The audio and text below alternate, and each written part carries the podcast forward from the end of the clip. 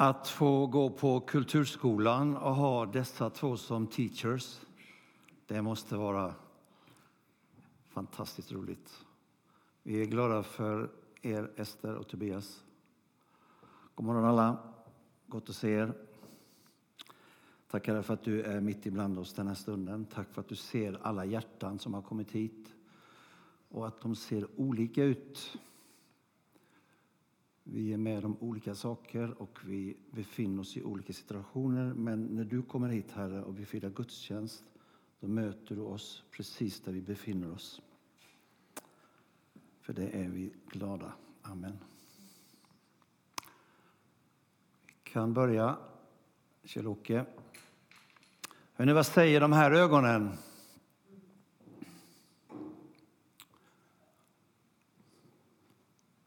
Hur ska jag tänka? 800 miljoner hungrande, det är ju en siffra som är nästan omöjlig att greppa. Det finns tillräckligt med mat i världen för att mätta alla magar, men av olika orsaker så når inte maten fram till alla. Hur ska jag tänka? Översvämningar i Pakistan. De stora isarna i Antarktis de gråter och smälter. Somalia på Afrikas horn det är en av de värsta torrperioderna nu på årtionden. Till och med Spanien och Portugal.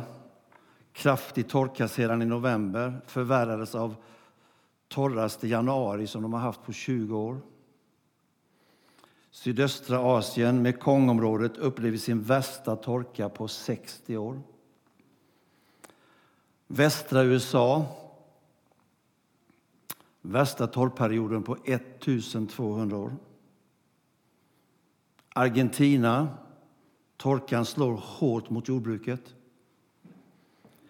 Mellanöstern, torkan härjar. Hur ska det gå med klimatet? Elva månader av krig i Europa. Varför då? Varför har vi igen ett pågående krig i Europa? Frågorna kommer tillbaka om och om igen och snurrar i mitt huvud. Hur ska jag tänka? Jag kan ta nästa bild.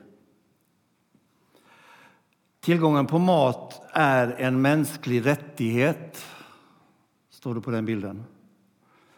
Det är varje stats, stats skyldighet att garantera sina medborgare den rättigheten. Vad tror ni den kvinnan tänker som bär på det här lilla barnet? Finns det en framtid för båda de här? Hur ska du och jag tänka när vi möter det här? När frågorna hopar sig mitt i en verklighet, mitt i en vardag, men då kommer orden från Jesus. Och det var han själv som sa vad helst ni har gjort mot en av dessa mina minsta. Det har ni gjort mot mig. Så frågan är då, finns det i allt detta några goda nyheter som vi förmedlar en sån här söndag förmiddag? När verkligheten, några få axplock bara i verkligheten. Ja, men det gör det. Vi kan ta nästa bild.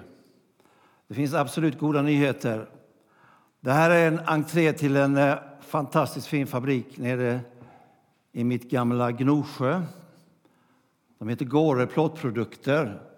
Nu ska jag bara visa dig några snabba bilder här.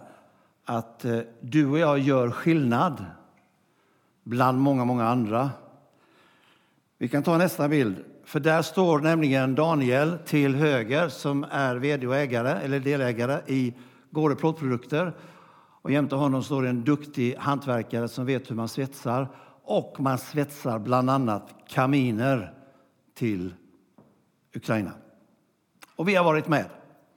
Candela 17 december. Vi tog hela dagskassan, 34 000, och sa det blir kaminer.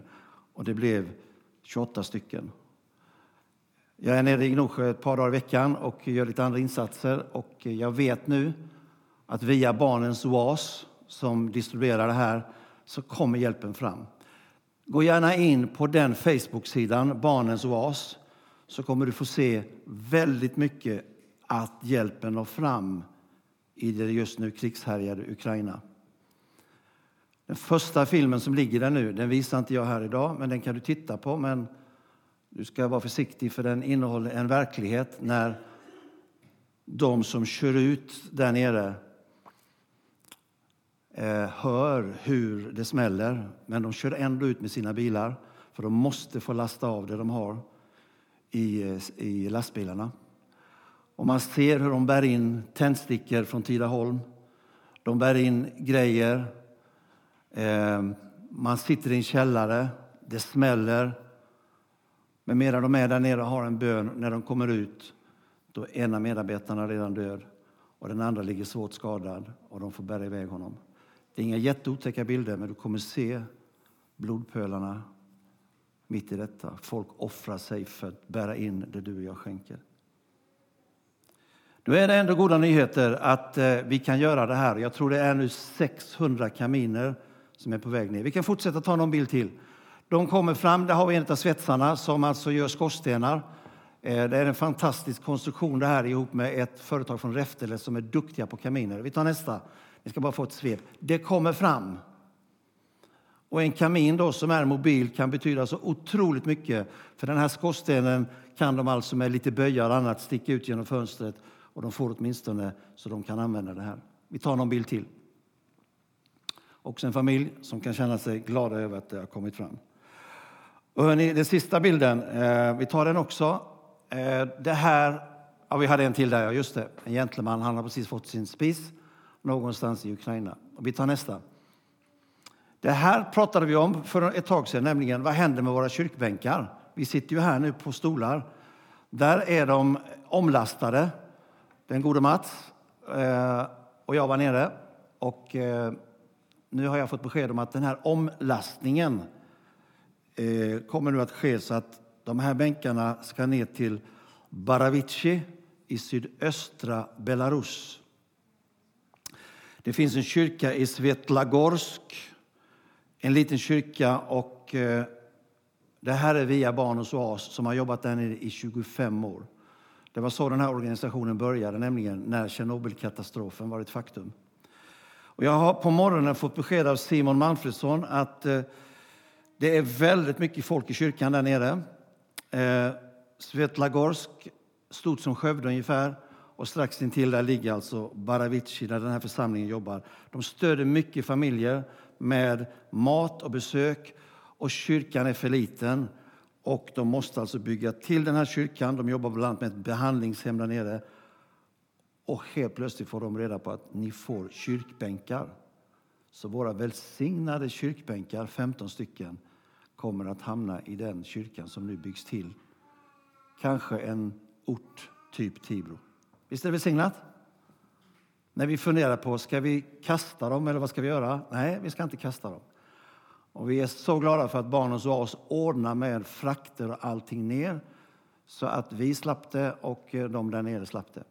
Men så sa Simon på morgonen här att eh, nu så när vi har väl fått ner det så kan det ta upp till ett halvår innan de blir intullade och klara.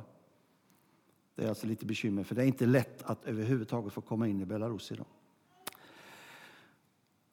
Jag visade här i två olika verkligheter. En bisarr verklighet som vi har när allt det här händer i vår värld och ändå ser vi att de bilderna ni nyss har sett, det är goda nyheter, det händer någonting.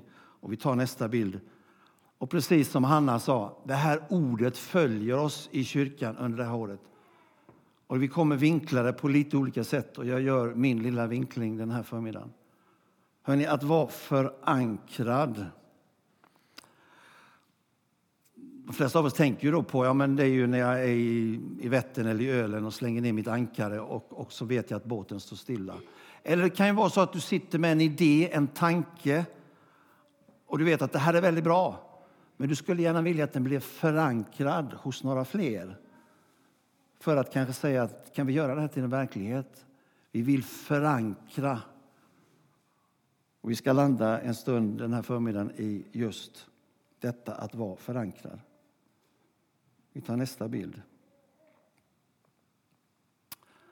Vi kan också säga förankrad, är det att ha en fast tillförsikt det där ordet använder ju inte ni unga i alla fall så väldigt mycket. En fast tillförsikt. I 1917 års bibelöversättning då används just det ordet. Vi skulle kunna säga att ha en fullkomlig tillit eller en väldigt fast förtröstan. Men vi kan läsa vad Hebreerbrevet skriver med just ordet fast tillförsikt.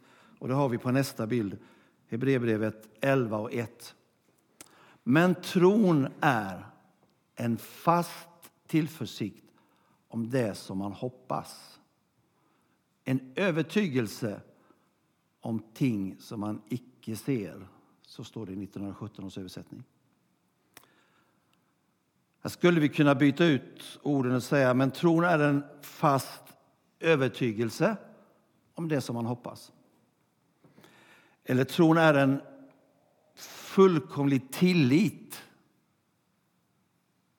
till det som vi hoppas. Eller tron är en fast förtröstan i det som vi hoppas. Eller bara säga, det är förankrat.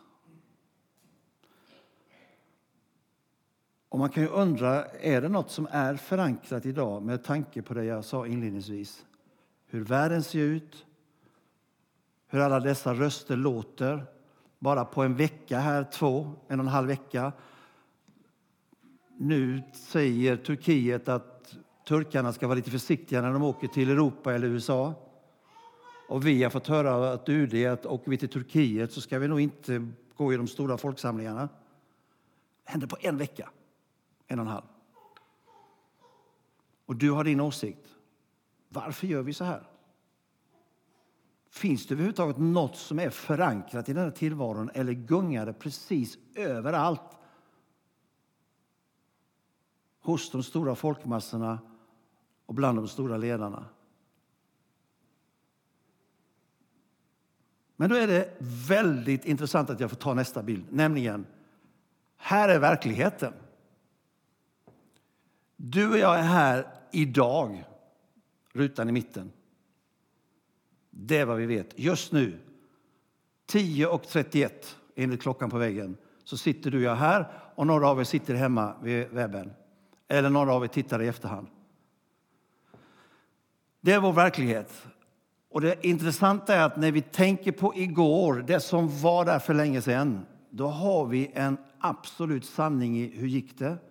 En del är tragik, men en del är väldigt fantastiskt.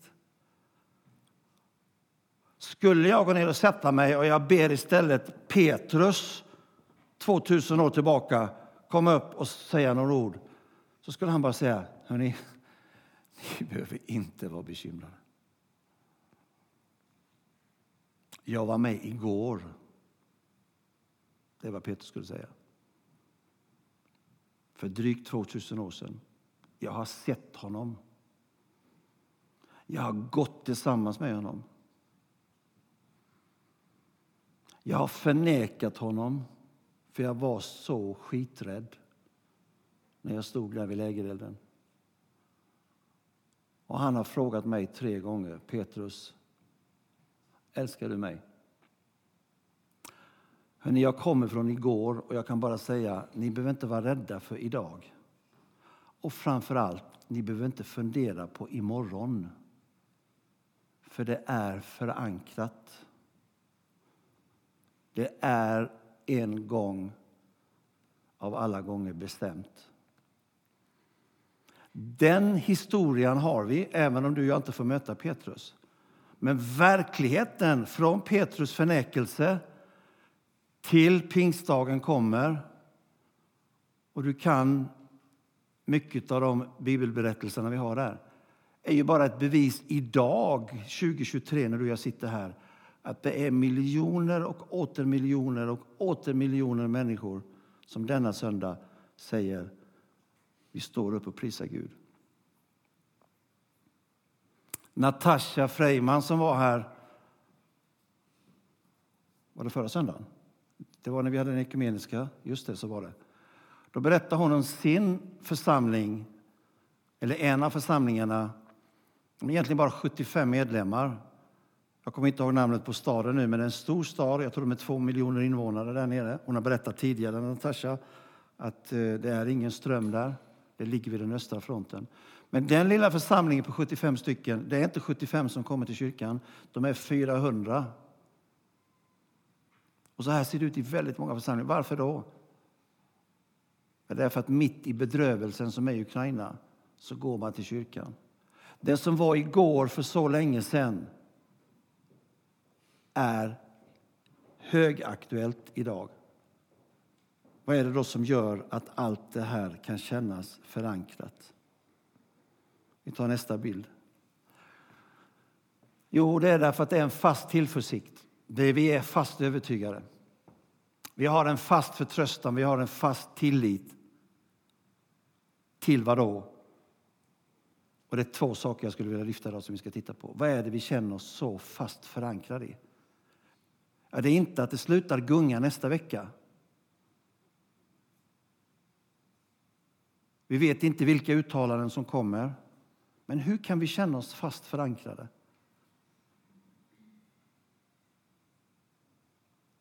Folkhälsomyndigheten säger fortfarande, om du tittar på deras hemsida, att den psykiska ohälsan är ett folkhälsoproblem i vårt land. Vi har inget krig, men vi mobiliserar. Vi lyssnar på både statsminister och andra, att det är allvar, säger de. Och mitt i detta ska jag kunna se på Edith, som är mitt yngsta barnbarn. Tittar jag på Gunilla, tre år. Ehm, och fundera på, har Edith någon framtid? Och jag måste landa i, jag känner mig fast förankrad. Att den Gud jag tror på, han har kontroll mitt i detta elände.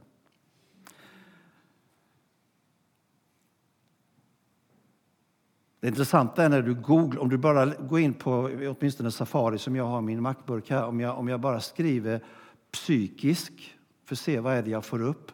Så de tre första orden som kommer upp det är ohälsa, sjukdom och eh, en tredje har jag glömt. Det är först på fjärde plats man börjar tala om psykisk hälsa. Alltså vi matar oss just nu vänner med att det är en psykisk ohälsa i vårt land. Man mår dåligt. Och här sitter du en söndag förmiddag och säger att vi tror att vi har goda nyheter. Inte bara att det görs kaminer i Gnosjö, utan vi tror att vi har goda nyheter om det vi ska landa i nu. Och att det här håller. Låt oss titta på två saker. Det gäller att vara förankrad i nästa bild. Vi ska titta på att vara förankrad i ordet och i löftena. Om vi börjar med ordet, och nu kommer du få några bibelställen här, för jag tror det är viktigt i en predikan en söndag förmiddag, det är att det inte bara är mina ord som snurrar runt, utan att jag får förankra det i just bibelställen. Vi kan ta nästa bild. Som jag sa, vi är miljoner och åter miljoner som idag har en fast förtröstan på att Bibeln är Guds ord. Vi tror att de alla 66 böckerna som vi har i vår bibel, de andas på ett sätt som gör att vi upplever att det är Gud själv som säger det han säger. Och Johannes, en av de fyra evangelisterna, han inleder just sitt allra första kapitel med de här orden. Och vi läser tillsammans. I begynnelsen var ordet. Och ordet var hos Gud. Och ordet var Gud. Han var i begynnelsen hos Gud. Allt blev till genom honom och utan honom blev ingenting till av det som är till. I honom var liv och livet var människornas ljus. Och ljuset lyser i mörkret och mörkret har inte övervunnit det. Så börjar Johannes. Och Moseboken börjar likadant. I begynnelsen var ordet. Gud talade ut sin skapelse. Och Johannes han skriver ju lite längre fram i, i det här första kapitlet. Jag citerar. Och ordet var kött och tog sin boning ibland oss. Vi såg hans härlighet. Vi såg liksom en enfödd sons härlighet från sin fader och han var full av nåd och sanning. Vers 14. Så här kan vi stanna upp en stund och fundera på, tror vi verkligen, är vi förankrade i att bibelordet. Precis som Hanna sa, där du kan sitta här en hel vecka och bara studera. Och det du säkert gör redan. Du kanske landar i någon favoritbok, någon favoritvers. Någon kan det utan till. Kanske att du memorerar den 23 salmen och säger att men Herren är min herde. Inget ska fattas. Ibland tror jag att inget betyder inget gott ska fattas, men det står att inget ska fattas. Alltså även när det är motvind så är Herren min herde. Är det här det ordet som vi känner oss förankrade i? Och jag tror det är viktigt att säga vänner, det, det, är, det är så många idag av våra drygt sju miljarder människor som säger att jag står på den grunden. Jag kommer att stå på den grunden till dess du lägger mig i mullen.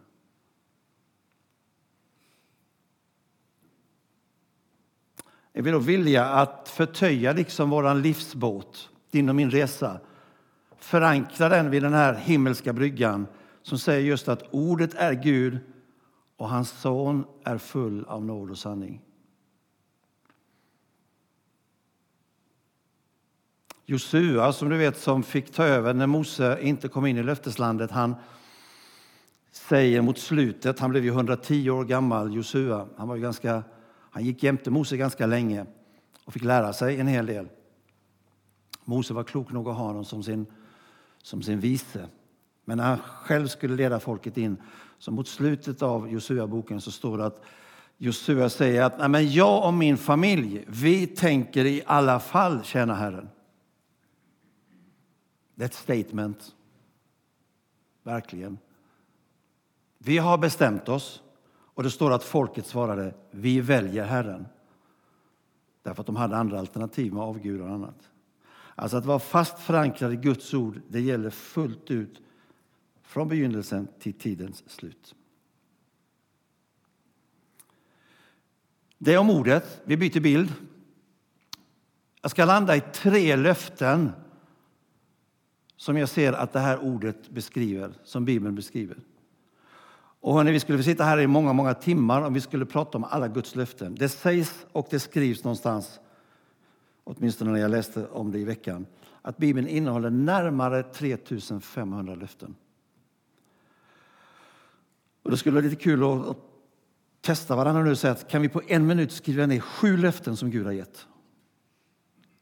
Eller hur lätt kommer vi ihåg dem? De är många.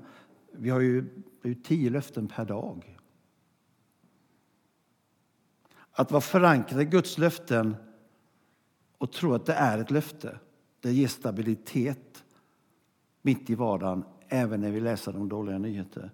När vi hör att Putin och hans kumpaner uttalar sig och Aftonbladet igen slår upp någonting där det lyser kärnvapen och du och jag har trott att det kommer väl aldrig hända.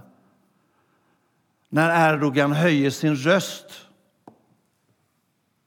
vilket han ju gjorde Eller när aktiebörsen säger att vi går inte upp idag heller. Då blir ju frågan just det här. Kan vi stå förankrade på att det finns 3500 löften från Gud som vi kan gå vidare på? Och jag vill lyfta tre olika bibelsammanhang. Vi börjar med att läsa det första löftet, nämligen det här från första Mosebok 12. Jag ska välsigna dig och göra ditt namn berömt så att du blir till välsignelse för många andra. Och vem säger Gud det här till? Jo, till Abraham. Det här blev ett uttalande, ett löfte när Gud pratar med Abraham. Inte bara ett löfte för att Gud sluter ett förbund med Abraham. Ett löfte som Gud ger som gällde för Abraham och som Gud säger, det kommer gälla alla dina efterkommande. Alltså du och jag som lever ungefär 4 000 år efter Abraham. Får alltså rätten att kallas Guds barn. Jag ska välsigna dig, sa Gud till Abraham. Och Det var alltså välsignelse i form av att Abraham både fick mycket att hantera, att förvalta Och där är du och jag idag. Det är den välsignelsen som, som går ut över dig och mig. Gud vill välsigna dig. Och Det här krockar naturligtvis i mitt och ditt huvud när vi då funderar på det jag inledde med. När vi ser vad är Guds välsignelse för den mamman med sitt barn i famnen. Jag, jag, jag håller med dig, det blir, det, blir, det blir svårt att ta in. Gud, var är du där? Och Det kanske är som det sägs att Moder Teresa lär ha sagt när hon fick frågan Tror du att du kommer till himlen? Det tror jag absolut, sa Moder Teresa. Tror du att du kommer möta Jesus? Absolut, det tror jag. Vad är det första du ska säga? Jag ska titta honom djupt i ögonen och säga du har väldigt mycket att förklara.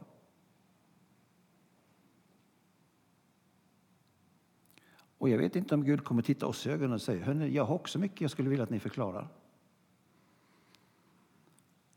Och därför är vi satta till att just säga det finns något som är förankrat, som håller även när det blåser 2023 som det gör. Så Gud sa, jag vill välsigna dig. Det är viktigt att du tar in dig. Gud vill verkligen välsigna dig där du befinner dig. Gud står verkligen på din sida. Om det är medvind eller motvind, jag vet inte var du befinner dig, hur du känner när du ska gå till jobbet imorgon. Om du känner att det fungerar mindre bra, du tänker kanske på vissa kollegor eller i något annat sammanhang, så vill jag bara säga att Gud vill välsigna dig. Men, hör nu, så att du blir till välsignelse för många andra. Där är grejen. Det här är poängen. När du är välsignad av Gud med samma löfte som Abraham gav så är det för att du ska få välsigna så många andra. Så när den här morgonstunden imorgon på jobbet kanske inte den känns lika tråkig som den gjorde i fredags Tänk imorgon på du är där för att du är till välsignelse för dem du har omkring dig.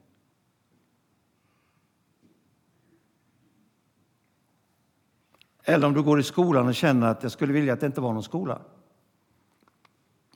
Oavsett vilken ålder du har så vill jag bara säga att du är där i skolan för att Gud har sagt jag välsignar dig och jag vill att du ska få vara välsignelse, till välsignelse för dem som du träffar och möter.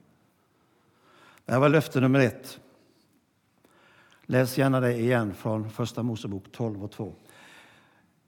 Vi tar nästa bild och löfte nummer två. Jag sa att vi ska ha tre stycken löften.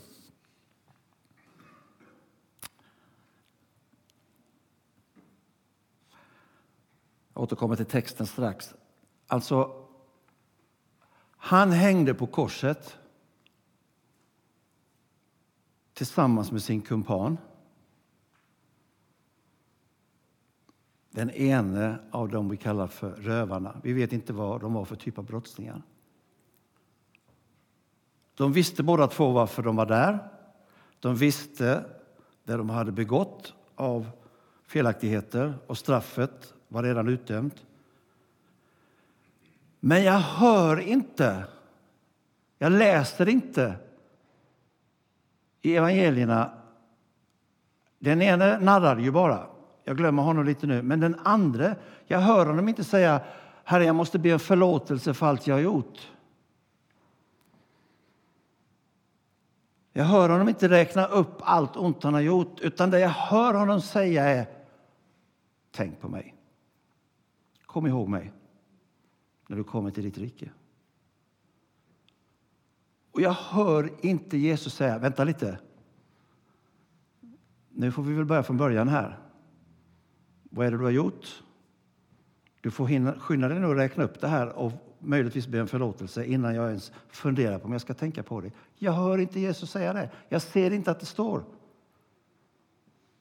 Utan han säger tänk på mig och Jesus svarar jag försäkrar dig att redan idag ska du vara med mig i paradiset. Texten säger sedan sa han, Jesus kom ihåg mig när du kommer till ditt rike.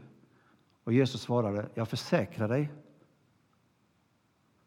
Jag försäkrar dig att redan idag ska du vara med mig i paradiset. Min tanke svindlar lite grann vänner i det här. Jag är som många av er uppvuxna i frikyrkan, både i Gnosjö och i Växjö och här. Och jag har vuxit upp med att nej, men här gäller det bekännelse. Här gäller det att visa att du kommer till sinnesändring.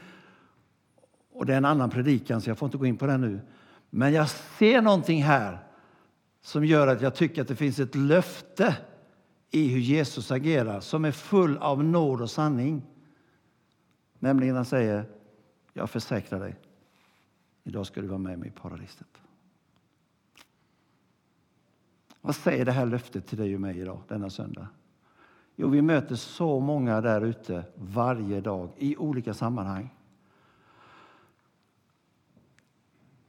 Och jag vet inte hur många som säger Gud, tänk på mig. Och jag bara förstår att det finns någon som säger jag försäkrar dig. I min tanke och när jag läser de här verserna ifrån korsfästelsen, då snurrar det mycket. Att det finns en fantastisk nåd i den Jesus som blev korsfäst och dog för din och min skull. Och låt oss som hans efterföljare, lärjungar, betänka det här när vi möter människor. Därför att du är inte satt och jag är inte satt för att döma. Är han eller hon med eller inte med? Har de kommit till tro eller inte tro? Den här versen säger någonting om att det finns ett fantastiskt löfte från Gud. Att vara förankrad i att få möta en öppen famn. Det står i Lukas 15 om den förlorade sonen och det kan du också. Det står att när han satt i svinstian, han hade förlorat alla pengar, han hade förlorat alltihop. Han kom till besinning, står det i en översättning. Han började inse, jag måste vända om. Och den berättelsen som Jesus själv berättar, det står ju inte att far först sa halt, halt, halt. Nu börjar vi med att berätta alla dumheter. Vad är pengarna? Vad har du gjort? Det bara står att far kom och sprang emot honom och sa han är hemma. Jag tror inte jag behöver lägga ut texten mer här, utan du förstår att vi har någonting att lära här som gamla pingstvänner eller som gamla missionare eller vad som helst. Kanske hade det varit lättare jag sa det till Anders Sundegren här förra veckan när vi stod och pratade lite efteråt. Hade det kanske varit lättare, Anders, nu talar jag för mig själv, som, som jag har vuxit upp. Det kanske hade varit lättare om det hade stått om Sackeus. Att Jesus hade sagt, vänta lite innan du klättrar ner därifrån. Nu, nu vill jag höra. Rätt mycket dumheter här, va? Finns det en del att bekänna? Ganska många du har lurat här som, som är runt omkring mig nu. Jag ser inte det. Utan jag bara sätter Jesus och säger, du, hallå, kom ner jag vill bli gäst i ditt hus idag. Det ser jag. Och Det tror jag Gud vill uppmuntra oss i. Jag har inte dött för alla pingstvänner eller missionare eller någonting annat. Jag har dött för alla och jag har uppstått för alla. Och fortsätt, det är din uppgift. Inte att döma, men fortsätt att sprida de goda nyheterna. Men vi går vidare, det tredje löftet, och det är ett fantastiskt löfte. Jag återkommer strax till texten. Nu har vi talat om, om det som är med översvämningar i Pakistan och allt annat jag räknar upp. Jag gör inte det igen. Men mitt i dessa verkliga nyheter som vi tar del av så ser jag att det står så här i Johannes 14. Och det är Jesus själv som säger. Där finns många rum där min far bor. Och jag går nog i förväg och gör i ordning dem för er ankomst. När allt är färdigt ska jag komma och hämta er så att ni alltid kan vara hos mig där jag är. Om det inte var så, så skulle jag ha sagt er det. Och lite längre fram så säger han, jag ger er min frid. En frid som ingen annan kan ge er. Var därför inte oroliga och rädda.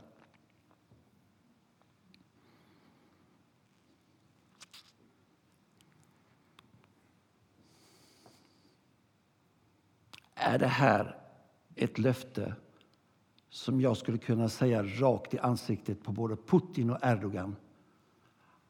Han har gått bort för att bereda rum för det var vad han sa. Jag är förankrad i det löftet. Om ni tror att ni nu är de större ledarna i världen.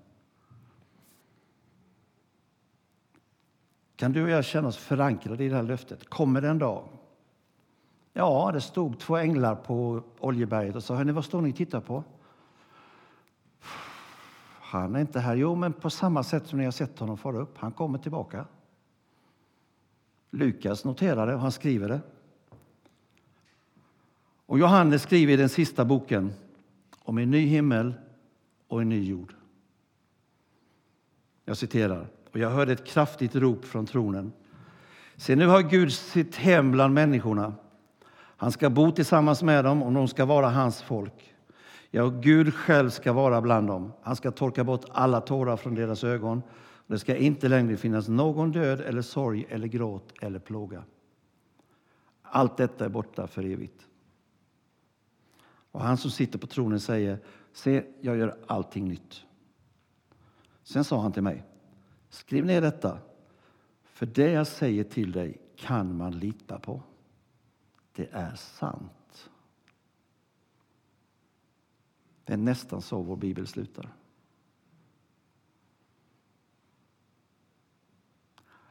Och du och jag behöver inte spekulera i, är det nu snart då som han kommer? För det kanske är som jag vet att Gunilla sa för 50 år sedan när hon jobbade på äldreboendet i Gnosjö och tredagarskriget pågick i Israel. Är det nu liksom det händer? Är han, kommer han nu? Ja, sa den här gamla tanten. Du, det där sa vi när vi var unga också, att det är nog nu han kommer. Och Det är så fantastiskt bra att Jesus själv säger, jag vet ingenting om den tiden, det vet bara Far i himlen. Men det jag vet är att det finns ett löfte som säger, jag har gått för att bereda er rum.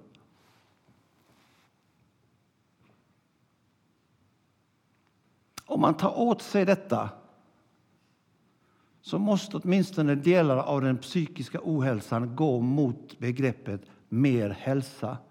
För det känns som att det är goda nyheter i allt detta som är. Ordet är sant. Tänk på mig, absolut, jag försäkrar. Och så säger han, jag ger er en frid. Jag tror det är, om det ordet finge landa i så många unga människor som säger att det är bara så besvärligt. Det var besvärligt på Nybro för ett tag sedan. Det sköts raketer inomhus. Och det var samlingar och det ena med det andra. Och jag tror det var nu på morgonen jag läste det är en grabb under 18 år som i Skogås blev skjuten i natt. Jag tror det var på morgonen jag läste det. Vad är det för nummer på honom? 62, 63?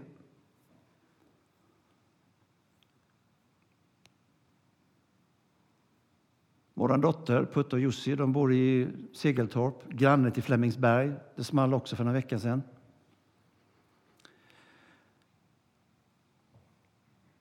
Och så sitter du här och säger att det finns någon som har sagt jag ger min frid. Och den ger jag inte som världen ger. Vi får aldrig sluta att påminna varandra om att det finns en sån fundament i ordet och i löftena. Och när det blåser riktigt illa så får du bara säga okej, okay, men jag är förankrad.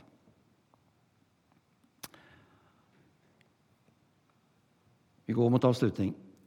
Eller vi är strax avslutade. Vi tar nästa bild.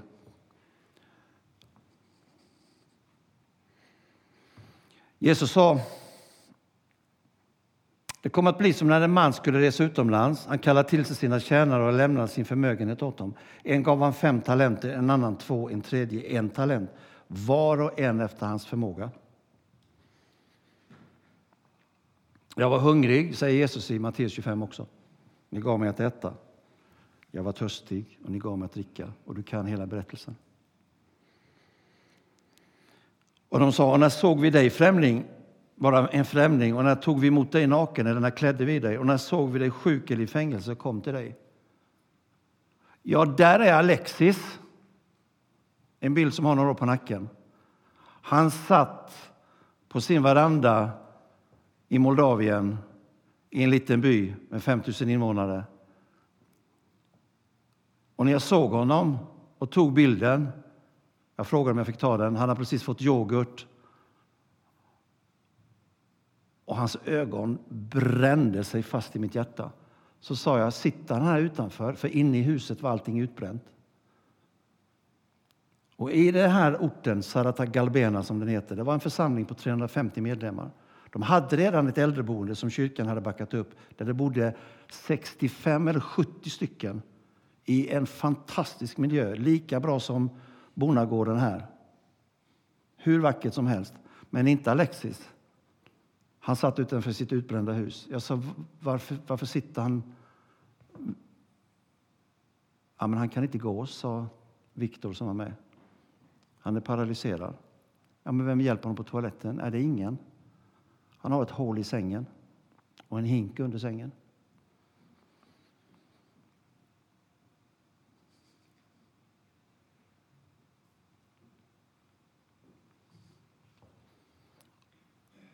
Och då sjunger Jesu ord, vad helst ni gjort mot en av mina minsta. Han är samma ålder som jag. Och berättelsen är att vi bara bestämde oss för han får inte sitta där, han måste få plats. Men det fanns ingen plats. Sa Viktor, vi har ingen plats. Men det visade sig att det fanns ett hus som man kunde reparera. Och så bestämde vi oss några stycken, se till att det blir reparerat. Och när han, och här kommer sista bilden, väl har flyttat in i det huset, då är det Alexis. Och vi är nere några år senare. Och Gunilla tyckte jag får nog sätta mig i sängen och ge honom en kram. Och jag vet inte vem som har mungiporna längst upp utav de två. Och hälsningar ut mot en av mina minsta.